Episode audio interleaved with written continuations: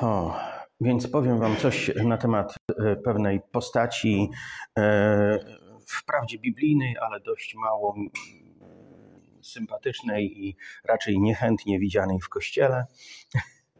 E, aczkolwiek też, jak spojrzy się na historię Kościoła, to można zauważyć, że tu i ówdzie łapy maczał w historii Kościoła. Więc chciałbym powiedzieć parę słów na temat Lucyfera, wiecie, no, w kościele spodziewamy się, że usłyszymy coś o Jezusie, też będzie, ale e, powinniśmy też wiedzieć coś na temat m, przeciwnej e, strony. E, I chciałbym powiedzieć e, o tym w takim kontekście, e, aby był z tego pożytek dla nas. Jest w pewnym miejscu, e, kiedy apostoł Paweł udziela porad dla Tymoteusza w odniesieniu do e, ustanawiania starszych w kościele. Mówi, nie może to być świeżo nawrócony, aby nie popadł w potępienie diabelskie. Wiecie, też kwestia jest tego, czym był świeżo nawrócony w tamtych czasach, bo podejrzewam, że E, dzisiaj jako świeżo nawróconego możemy traktować kogoś, kto jest wierzący rok, dwa, trzy, e, podczas kiedy tam pewnie to były kwestie tygodni czy miesięcy. E, I myślę, że tutaj ten termin w zależności od okoliczności możemy różnie rozumieć, ale to, co mnie interesuje w tym wersecie, to to, że taki człowiek może popaść w ten sam problem, w który popadł e, szatan. E, Lucyfer e, upadł z powodu swojej pychy ale chciałbym, abyśmy nad tym się zastanowili przez chwilę.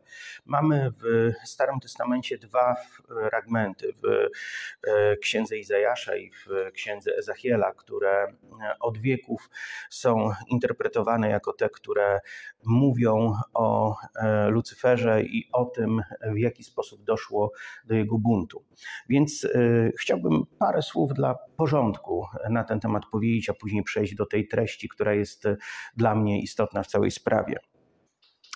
E, mm, więc e, jeden z poważnych błędów, jaki jest e, związany z całą sprawą, to coś, co pojawiało się w wczesnym chrześcijaństwie. To nie jest mm, problem jedynie jakichś ostatnich wieków, ale we wczesnym chrześcijaństwie działo się tak, że nawracali się ludzie, którzy byli uczniami różnych nurtów e, filozoficznych, różnych e, religii, różnych e, koncepcji duchowych i niejednokrotnie zdarzało się, że próbowali mieszać chrześcijaństwo z tym, w co wierzyli wcześniej. W ten sposób powstały najróżniejsze formy gnozy i najróżniejsze formy zwiedzenia. Jednym z takich bardzo istotnych zwiedzeń w e, dawnych czasach. E, mm, to było coś, co wynikało z pomieszania monacheizmu z chrześcijaństwem. E, w tamtym okresie monamachejczycy wierzyli w to, że było dwóch równorzędnych bogów, jasny i ciemny, Bóg dobra i zła. To trochę tak jak w Gwiezdnych Wojnach. E, świat funkcjonował dzięki równowadze mocy między ciemną stroną mocy a jasną stroną mocy i kiedy ta równowaga została zachwiana, wszystko zaczynało się sypać, więc trzeba było zadbać o równowagę mocy. Oczywiście nie ma to nic wspólnego z chrześcijańskim przesłaniem, ale ci, którzy e, wierzyli w istnienie dwóch równorzędnych bogów, czarnego i białego, e, Boga dobra i Boga zła. E, zaczęli przenosić to na e, wyobrażenie Boga i wyobrażenie szatana. To jest kompletnym błędem i jest pozbawione sensu, a to z bardzo prostego powodu. Bóg jest stwórcą. On stworzył wszystko. Szatan jest stworzeniem nigdy nie był partnerem, nigdy nie mógłby stać się partnerem, nigdy nie mógłby stać się równorzędny w stosunku do Boga. Pozycja szatana w stosunku do Boga jest jak pozycja zbuntowanego psa przeciwko właścicielowi. Twój pies może wściec się na ciebie i chce, chcieć cię pogryźć, co wcale nie znaczy, że jesteś e, osobą, która e, schodzi w ten sposób do poziomu psa ani pies nie wchodzi do Twojego poziomu. Szatan jest prywatną własnością Boga. Jest jego wytworem. jest jego zbuntowanym wytworem, ale w żaden sposób nigdy nie był, nie będzie i nie mógłby stać się równorzędny wobec niego. Więc e, to jest ważne, abyśmy zdawali sobie z tego sprawę, że e, koncepcja dwóch równorzędnych, przeciwnych sobie sił nie ma e, nic wspólnego, mimo że czasami język coś podobnego może nam narzucać, kiedy słyszymy o Królestwie Bożym i Królestwie Ciemności. E, to e, nie mając wystarczającej wiedzy w tym temacie, możemy e, kombinować braku wiedzy dochodzić do błędnych wniosków. Ale jeśli mamy już to wyjaśnione, to przyjrzyjmy się temu, jak to wyglądało rzeczywiście. Kiedy Bóg zaczął tworzyć wszechświat, to wygląda na to, że zanim został stworzony świat materialny, prawdopodobnie wcześniej został stworzony świat duchowy, świat anielski, miliardy, a może e, ta liczba jest za mała, niezliczone ilości e, istot duchowych powstały. E, I Biblia wspomina o tym, że kiedy Bóg zaczął tworzyć ziemię, to radosny okrzyk wydały zastępy niebieskie, więc E, jest to termin odnoszący się do grup aniołów, więc wygląda na to, że aniołowie istnieli wcześniej i byli świadkami stwarzania świata.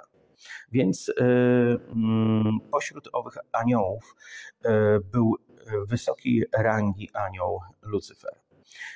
I wiecie, Lucyfer nie mógł dojść do takiego wniosku, że stanie się konkurentem wobec Boga. Bunt Lucyfera wobec Boga nie polegał na tym, że Lucyfer chciał Boga z nieba wyrzucić, y, zająć jego pozycję.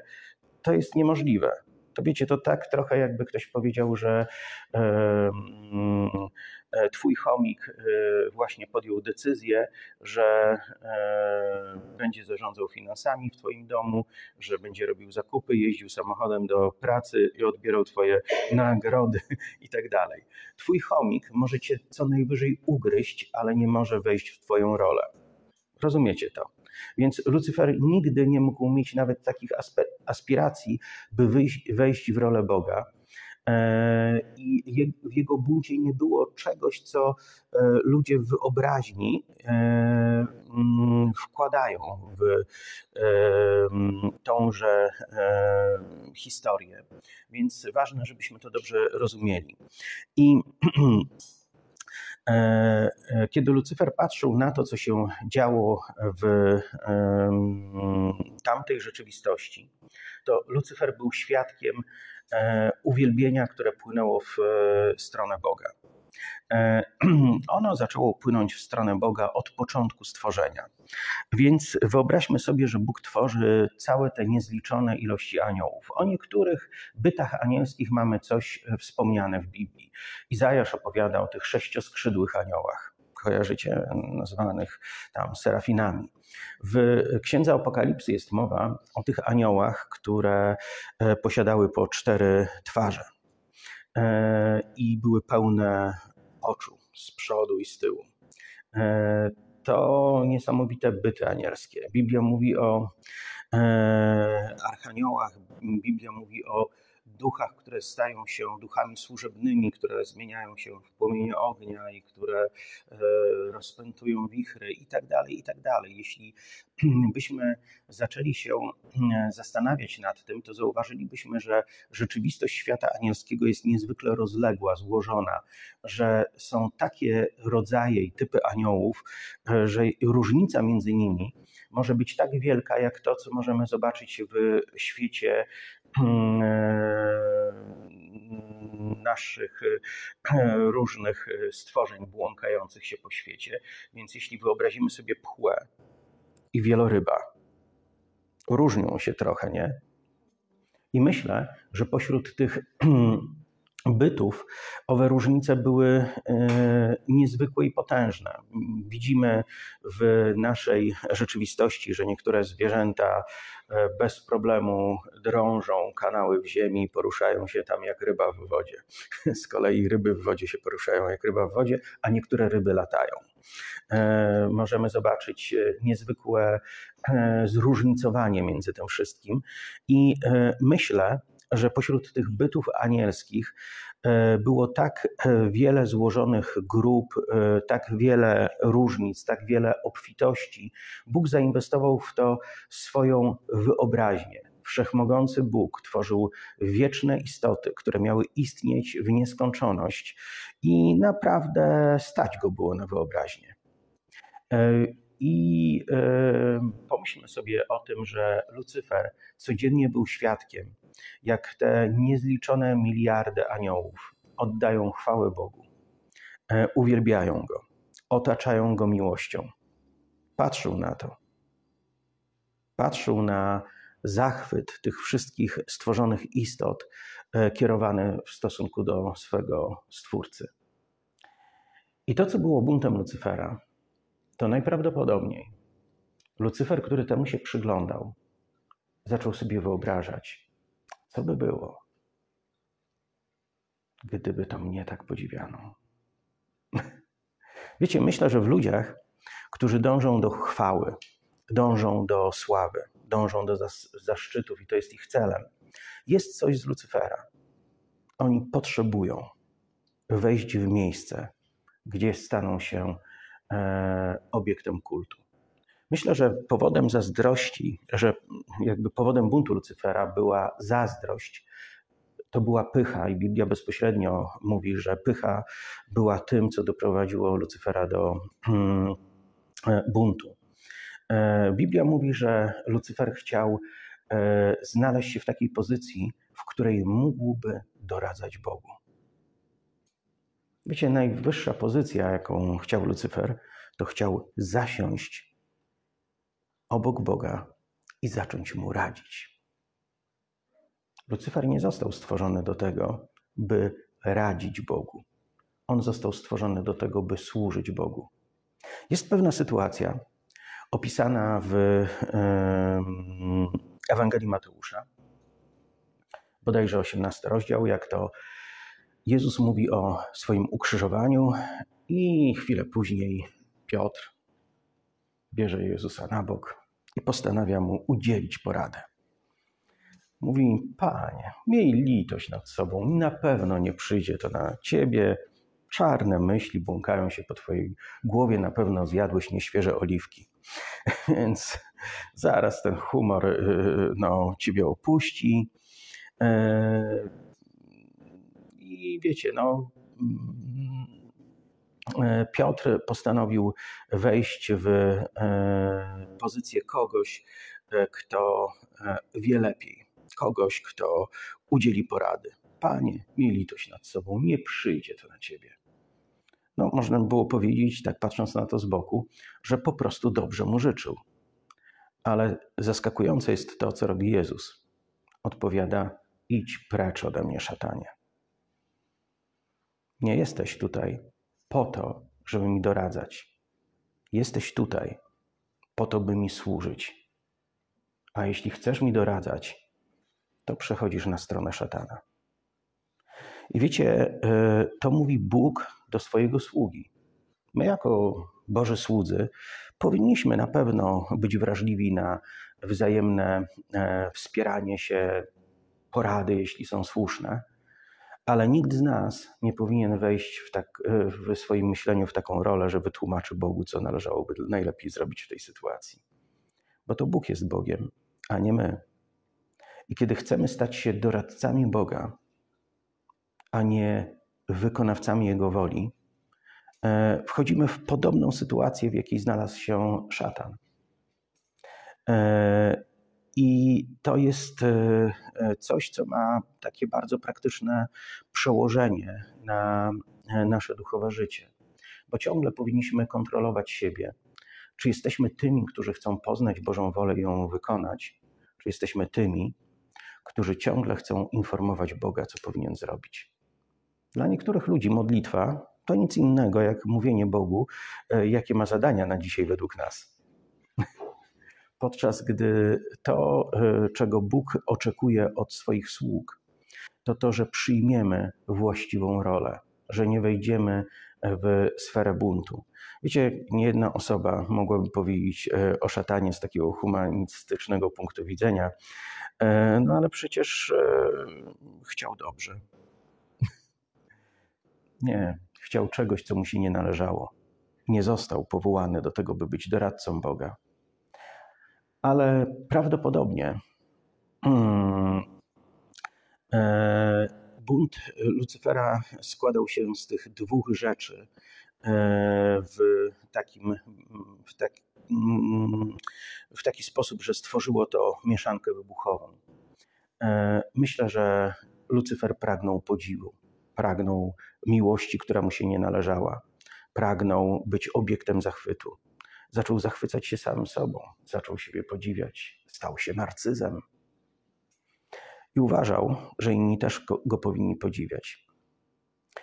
E, kiedyś e, pewien człowiek, myślę, że z jego strony to już jest dawno nieaktualne, ale kiedyś pewien człowiek e, złożył mi propozycję, żebyśmy wspólnie napisali książkę o Lucyferze. Więc zacząłem zajmować się swoją częścią tego przedsięwzięcia i zacząłem analizować wszystko, cokolwiek na ten temat wiem. I to, do czego doszedłem, E, na samym początku było dla mnie zaskakujące. Przypomniał mi się od razu tytuł filmu o Chopinie. E, nie wiem, czy Chopin miał jakieś kontakty z Lucyferem, ale tytuł filmu był bardzo trafny tutaj. Nie wiem, czy pamiętacie taki film o Chopinie pod tytułem Pragnienie miłości. No, szczegół. E, w filmie niczego ważnego się nie dowiecie, ale to, co ja spostrzegłem to to, że to byłby dobry tytuł na e, opisanie historii e, Lucyfera. Lucyfer mógł być kimś bezgranicznie doświadczającym miłości Boga. Mógł bezgranicznie kochać Boga. I mógł być w relacji między Bogiem a sobą. Ale zamiast tego Lucyfer, zaczął przyglądać się cudzej relacji z Bogiem. Chciał wejść pomiędzy Boga a inne anioły. I on chciał, by ta miłość była skierowana na niego. To było pragnienie miłości, które mu się nie należało. E, ktoś mógł powiedzieć, co złego, gdy ktoś pragnie miłości. Dobrze, możesz tego nie rozumieć, ale zrozumiesz, jak e, na przykład jakaś niewiasta zacznie pragnąć miłości twojego męża. Wtedy nagle zaczniesz rozumieć, że w pragnieniu miłości może być coś złego. Jeśli e, ktoś zacznie pragnąć miłości, która mu się nie należy, w ten sposób wytwarza rzeczywistość, w której E, owa miłość staje się zbrukana i zamiera, zamienia to, co święte, to, co czyste, w to, co jest brudne i złe. Najważniejsze przykazanie jest związane z miłością, ale największe grzechy są związane z deformacją miłości. E, co Bóg przedstawia jako największy grzech w Starym Testamencie? Możecie mi podpowiedzieć? Jeśli byśmy przypomnieli sobie wszystkie teksty, w których największą wirtuozernią wykazują się prorocy, opisując e, pewien konkretny grzech, to czego on dotyczy? Tak. A czym jest bałbochwalstwo?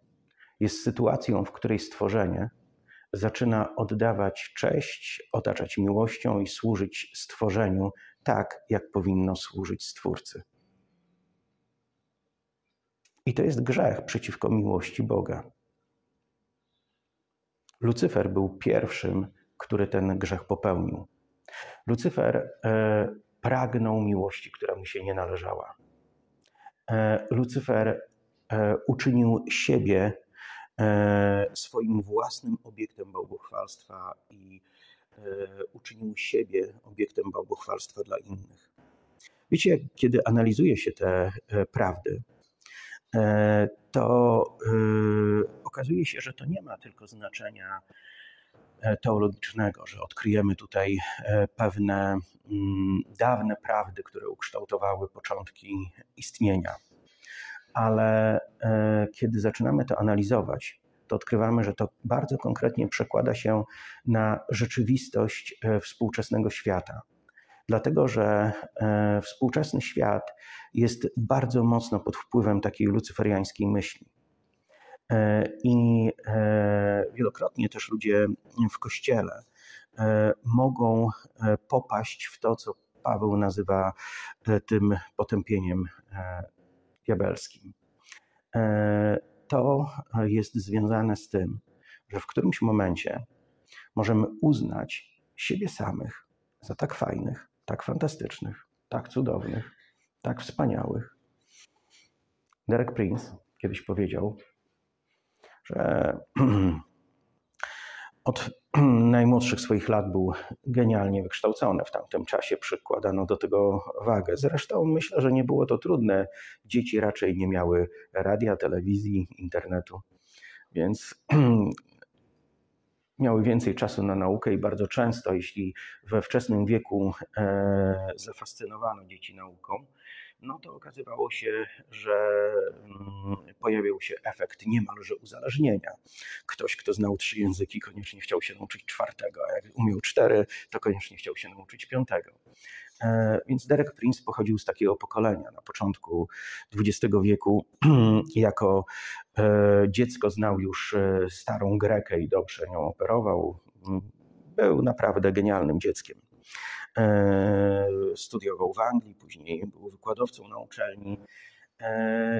I kiedy przyszła II wojna światowa, to jakiś czas później się nawrócił. I jakiś czas po swoim nawróceniu, myśląc o swoich osiągnięciach, karierze i wszystkich rzeczach, które zdobył, pomyślał sobie: O Bogu, całkiem nieźle się to udało, że mnie zdobył.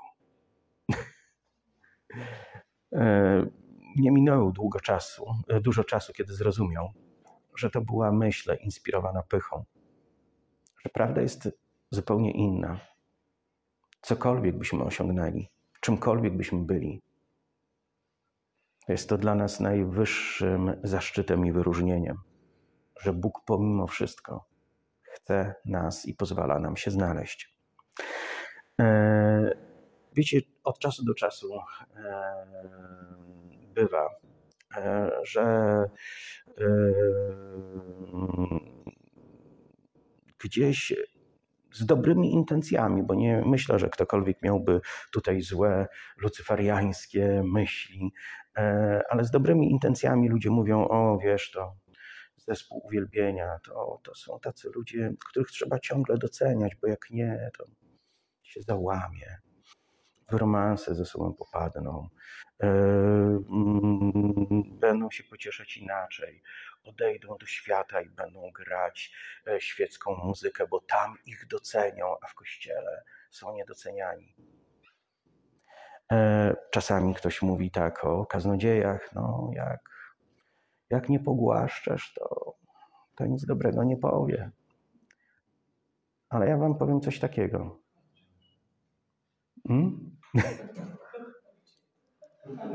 tak. Możesz głośniej? Dobra. Ale wiecie, ja myślę, że jest to pewnego rodzaju nasza naturalna potrzeba, że potrzebujemy czuć się docenieni. E, I, e, i wiecie, e, chorą postawą może być z jednej strony takie odrzucanie.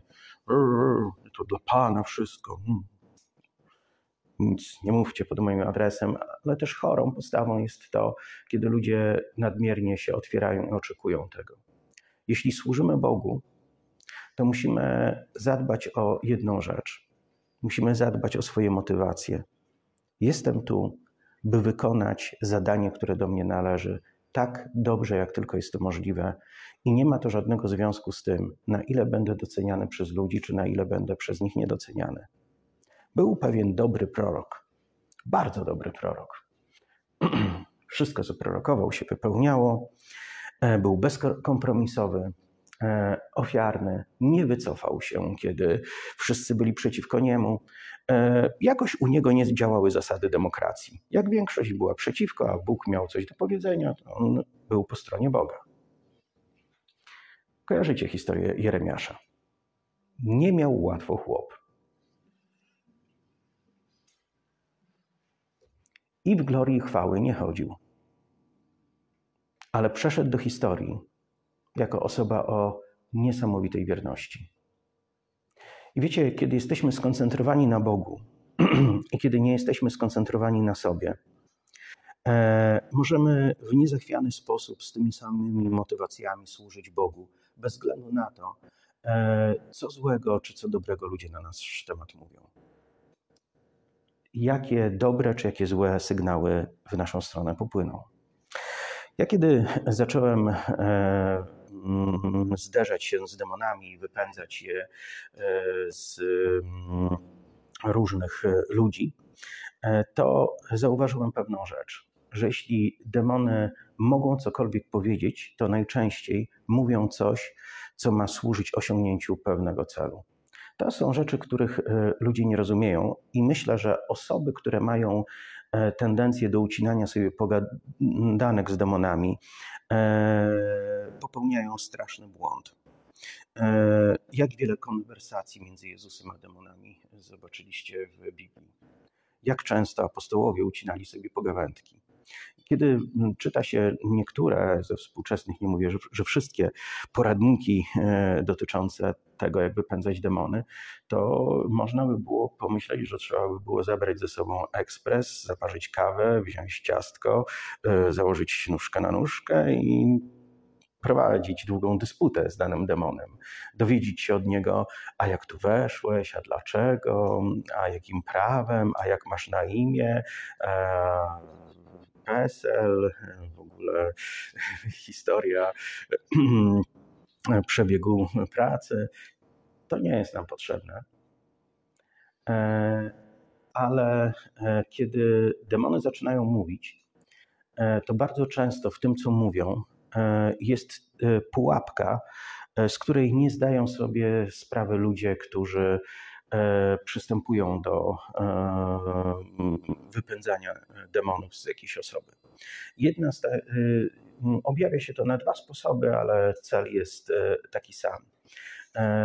Wielokrotnie byłem w takich sytuacjach, kiedy demony zaczynały mówić: Nie zniosę tego ognia w Twoich oczach, Twoja obecność mnie parzy. Wiecie, co się dzieje w człowieku, który słucha takich rzeczy ze strony demonów i e, dociera to do jego wnętrza.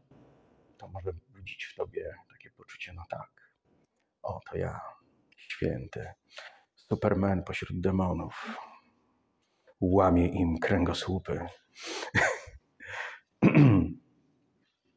Nie, te słowa są wypowiadane po to, by wzbudzić pychę i samozadowolenie, by e, otoczyć samego siebie zachwytem.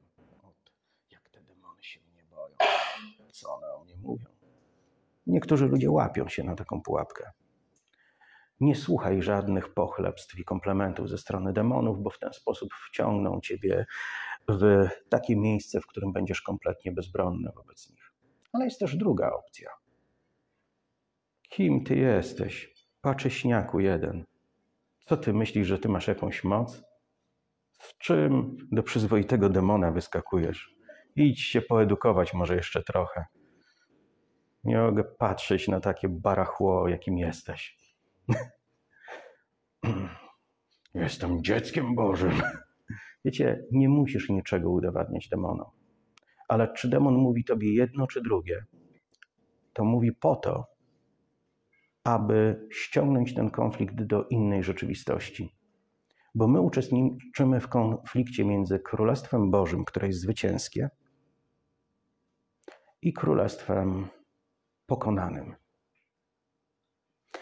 I kiedy ten konflikt przebiega w taki sposób, że reprezentujemy Królestwo Boże swoim sercem, postawą, wiarą i tym wszystkim, co mówimy, demony muszą ulec ale kiedy demonom uda się przyciągnąć nas w inną stronę konfliktu, czyli teraz nie ja, reprezentantem Bożego Królestwa, tylko teraz ja, niesamowity Bolek, którego boją się demony, będę robił rzeźnie między demonami, to już jesteś pokonany. Bo już wyszedłeś z roli e, kogoś, kto reprezentuje Królestwo Boże, ale teraz jesteś duchowym Supermanem. I diabeł zrobi co może, żeby ściągnąć ciebie do takiej pozycji. Albo jeśli uwierzysz w to, że jesteś nikim w ich oczach, więc będziesz musiał sobie udowadniać to, że jesteś kimś, to też jesteś już w niewłaściwym miejscu. Co zrobił szatan, kiedy znalazł się przed Jezusem? Pierwsza rzecz, jaką e, postanowił się zająć, to kwestią naruszenia jego tożsamości. Jeżeli jesteś synem Bożym, zamień te kamienie w chleb. No, udowadniaj mi teraz, że jesteś synem Bożym. Jezus nie potrzebuje niczego nikomu udowadniać. Ty nie potrzebujesz niczego udowadniać demonom. E, kiedy jesteś odporny na potrzebę udowadniania czegokolwiek komukolwiek? W momencie, kiedy jesteś utwierdzony w prawdzie. Wiele Bożych sług znajduje się w takiej sytuacji, że z jednej strony jest Bożymi sługami, a z drugiej strony usiłują odnieść sukces w tej dziedzinie. E, I tu trzeba wybrać, bo jeśli próbujesz odnieść sukces, to znaczy, że przez cały czas częścią Twoich e, motywów, częścią Twojego ego e, w tym przedsięwzięciu jest chęć dowartościowania się, zdobycia chwały. Niektórzy e, kaznodzieje, e, niektórzy chrześcijańscy mówcy motywacyjni e, tak konstruują swoje przesłanie, by zagrać na strunach naszego egoizmu, naszego poczucia wartości, które chcielibyśmy wzbogacić poprzez odnoszenie sukcesów, tak byśmy znaleźli się w miejscu, w którym zamiast wejść w tożsamość Bożego dziecka, które nie potrzebuje niczego nikomu udowadniać, ani sobie, ani innym, ani Bogu, ani diabłu, abyśmy wszystko, co robili, było nastawione na to, żebyśmy każdą e, tym naszym czynem, każdym naszym słowem coś udowadniali. A wiecie, Boże przesłanie dla nas bardziej przypomina, jak już posługuje się tytułami, przypomina koncepcję Michała Wiśniewskiego. Jestem jaki jestem i nie będę za to przepraszał. Znaczy nie, nie życzę wam, żebyście byli jak Michał Wiśniewski, chociaż jakby Kamil się pofarbował na wiśniowo, to byłoby nieźle. na brodzie, rzecz jasna. Ale e, Boże dziecko, które odnalazło swoją tożsamość, które odnalazło się w rzeczywistości i stwierdziło: Nikt i nic nie ma prawa mnie dowartościowywać, dlatego że ja nie jestem niczyim obiektem bałbochwalstwa. Jedyne poczucie satysfakcji, jakie jest realne, prawdziwe i warte zabiegania o nie, to to, co następuje między mną a Bogiem. Nie jestem tutaj, by znaleźć się w podobnej sytuacji, w jakiej znalazł się Lucyfer. Nie będę oczekiwał podziwu. Nie będę oczekiwał uznania, nie będę oczekiwał chwały. Kiedy czytamy pisma apostoła Pawła, możemy zauważyć, że to był człowiek, który jak nikt z postaci biblijnych miał odrobioną tą lekcję. On nie e, zastanawiał się nad niczyim sądem. Mówił: Jedynym, którym nie będzie sądził, jest Pan jedyna opinia, z którą zamierzam się liczyć, to jego. To nie znaczy, że był ignorantem, bo wiecie, dziś możemy e, też znaleźć wielu e, pysznych ignorantów, którzy zasłaniają się Bogiem i wszystkich, e, wszystkie głosy, które próbują do nich w jakikolwiek sposób przemówić, odsuwają w imię tego, że są w takiej relacji z Bogiem, że żaden człowiek im nic nie będzie mówił. Nie o to chodzi. Nie o to chodzi, jaki zrobisz z tego pożytek zewnętrzny, ale chodzi o to, jaki zrobisz z tego pożytek wewnętrzny. Biada mi, napisał Paweł, jeśli chlubiłbym się z czegokolwiek innego, jak z Jezusa Chrystusa, który oddał za mnie życie. Co to znaczy? To znaczy, że w naszym życiu nigdy nie wydarzyło się nic bardziej donośnego, nic ważniejszego, nic, co by miało większy wpływ na naszą doczesność i naszą wieczność, jak fakt, że Boży Syn z powodu swojej miłości w stosunku do Ciebie postanowił pójść na krzyż, aby ocalić Cię przed wiecznym potępieniem i zapewnić Ci wieczne zbawienie. To jest najdonioślejsza rzecz, której nic nie może przyćmić. To jest coś, co powinno robić na Tobie codzienne wrażenie. Codziennie powinniśmy być wstrząśnięci tym faktem. I Pismo mówi, że mowa o krzyżu jest głupstwem dla tych, którzy giną. Natomiast dla nas, którzy dostępujemy zbawienia, jest mocą Bożą. Nie wczoraj była mocą Bożą, ale jest mocą Bożą dziś, jutro i będzie do końca naszych dni. Jezus oddał za mnie życie. Boży Syn, Syn Wszechmogącego Boga, obdarzył mnie taką miłością i tyle byłem dla Niego wart, że postanowił przyjść na ten świat, pozwolić się zmasakrować z mego powodu, aby zachować mnie na wieki. Czy ktoś może mnie wywyższyć bardziej? Czy ktoś może mnie pokochać bardziej? Czy ktoś może mnie docenić bardziej? Czy ktoś może zrobić dla mnie coś większego?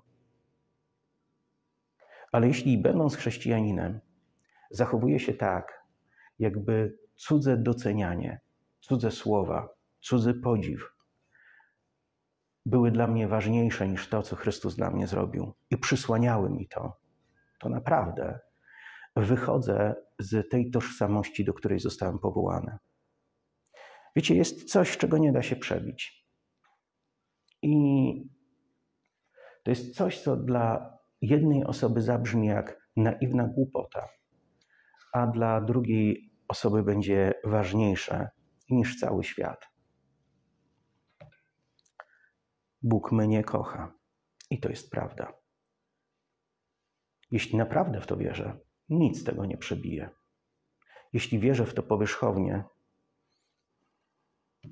to wygrana w jakimś teleturnieju 500 tysięcy może to przyćmić.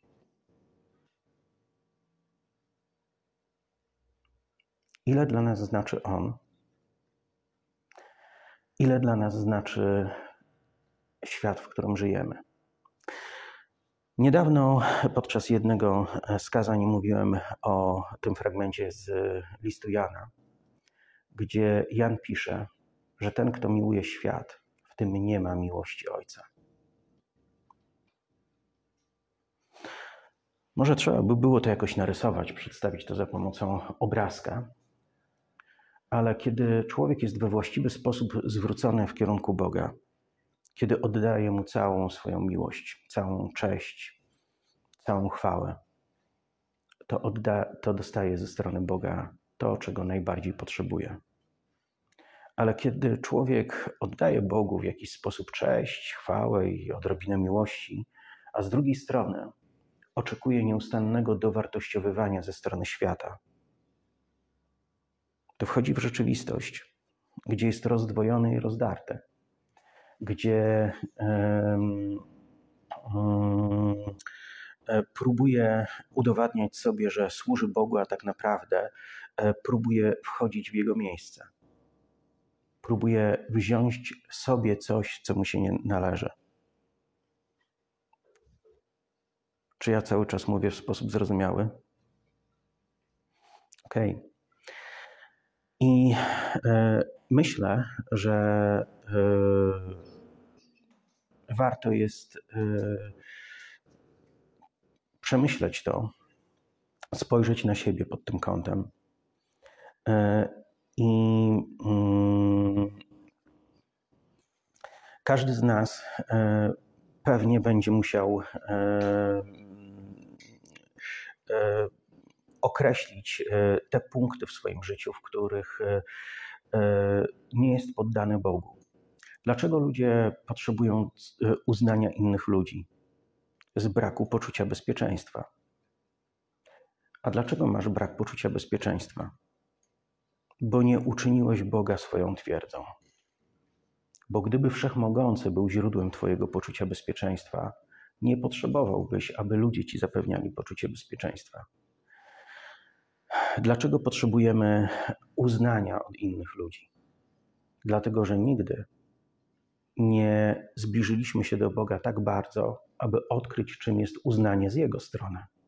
Bo jeśli ktoś doświadczył uznania z Jego strony, to żadne ludzkie odrzucenie tego nie jest w stanie przebić. Będziemy szukać zaspokojenia głodu naszego wnętrza albo w Bogu, albo w ludziach, albo w Bogu, albo w tym świecie. Stykałem się z ogromną ilością ludzi, którzy zrobili wszystko, by goniąc za e, rządzami swoich zmysłów, osiągnąć jakiś efekt szczęścia i zadowolenia. Ale nie ma takich ilości narkotyków, które byłyby w stanie dać ci poczucie bezpieczeństwa, poczucie wolności, zadowolenia. Są narkotyki, które są w stanie na chwilę przyćmić to i odsunąć świadomość tego, że tego ci brakuje. E, możesz, e, e, będąc niewiastą, rozkochiwać w sobie całe e, stadiony e, muskularnych atletów, ale to nie zaspokoi Twojego wnętrza. Możesz, będąc facetem, mieć e, niezliczoną ilość kobiet, ale na koniec nie poczujesz się, że w Twoim wnętrzu pozostała kolekcja pięknych wspomnień. W Twoim wnętrzu będzie cały tir gnoju prosto z obory. Ludzie szukają w tym świecie zaspokojenia i szczęścia. Tylko problem polega na tym, że kiedy szukasz tego, to znajdujesz coś zupełnie odwrotnego. Ale kiedy zaczynasz szukać e, w Bogu zaspokojenia swojej duszy, to okazuje się to czymś trudniejszym. Okazuje się, że to jest długa podróż, ale okazuje się, że to, co znajdujesz, nie zmienia się później w kupę gnoju, ale to, co znajdujesz, to są prawdziwe diamenty. Więc jesteśmy ludźmi. E, każdy z nas chciałby, bez względu na to, jak e, uduchowione nam wydaje się to dzisiejsze kazanie, każdy z nas chciałby być doceniany. Każdy z nas chciałby, aby dobre sygnały z tego świata płynęły w naszą stronę. I chyba nie ma w tym nic strasznie złego, że tak jest. Ale złe stanie się to, kiedy skoncentrujemy się na tym na tyle, że stanie się to naszym celem. Naszym celem jest nauczyć się odwracać od uznania tego świata na rzecz zdobywania coraz większego uznania i upodobania e, Bożego. E, ja chcę wiedzieć, co Bóg ma mi do powiedzenia, jak Bóg ocenia to, co robię. Ja chcę być posłuszny Bogu i chcę wiedzieć, że mi się udaje. Chcę to wiedzieć od Niego, a nie od ludzi. E, więc co jest naszym celem? Bo jeżeli źródłem naszym będzie ten doczesny świat, to pamiętajmy, że ten doczesny świat kiedyś zniknie. Ten doczesny świat jest przeznaczony na zagładę. Ten doczesny świat jest czymś, e, co nigdy nie zaspokoi Twojego wnętrza. Ale Jezus mówi do kobiety przy studni w Samarii: Ten, kto tą wodę pije, znowu będzie pragnął. Ta woda, choćbyś wypił jej nie wiadomo ile, nigdy ciebie nie zaspokoi. Ale jest woda. Istnieje woda, którą, gdy się jej napijesz, twoja dusza już nigdy nie będzie pragnąć. Wiecie, myślę, że to jest tak, że stajemy wobec tej możliwości. Stoimy między tymi dwoma studniami.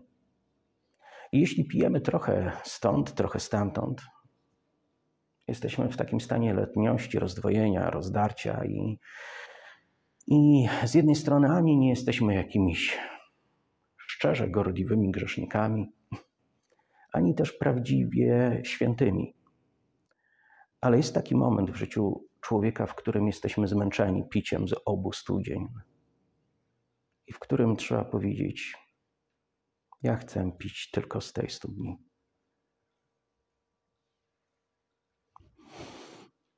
Nie wiem, czy to, co mówię, jest na tyle jasne, aby e, mm, e, móc zaraz zrewolucjonizować swoje e, życie pod tym kątem, ale myślę, że powinny tego typu idee przetaczać się przez nasze umysły i serca, dlatego że wcześniej czy później Duch Święty sam osobiście będzie mówił na te tematy do każdego z nas, a my będziemy potrzebowali podejmować wybory. Myślę, że jeśli powiem cokolwiek więcej, to zepsuję to, co powiedziałam do tej pory, więc na tym zakończę.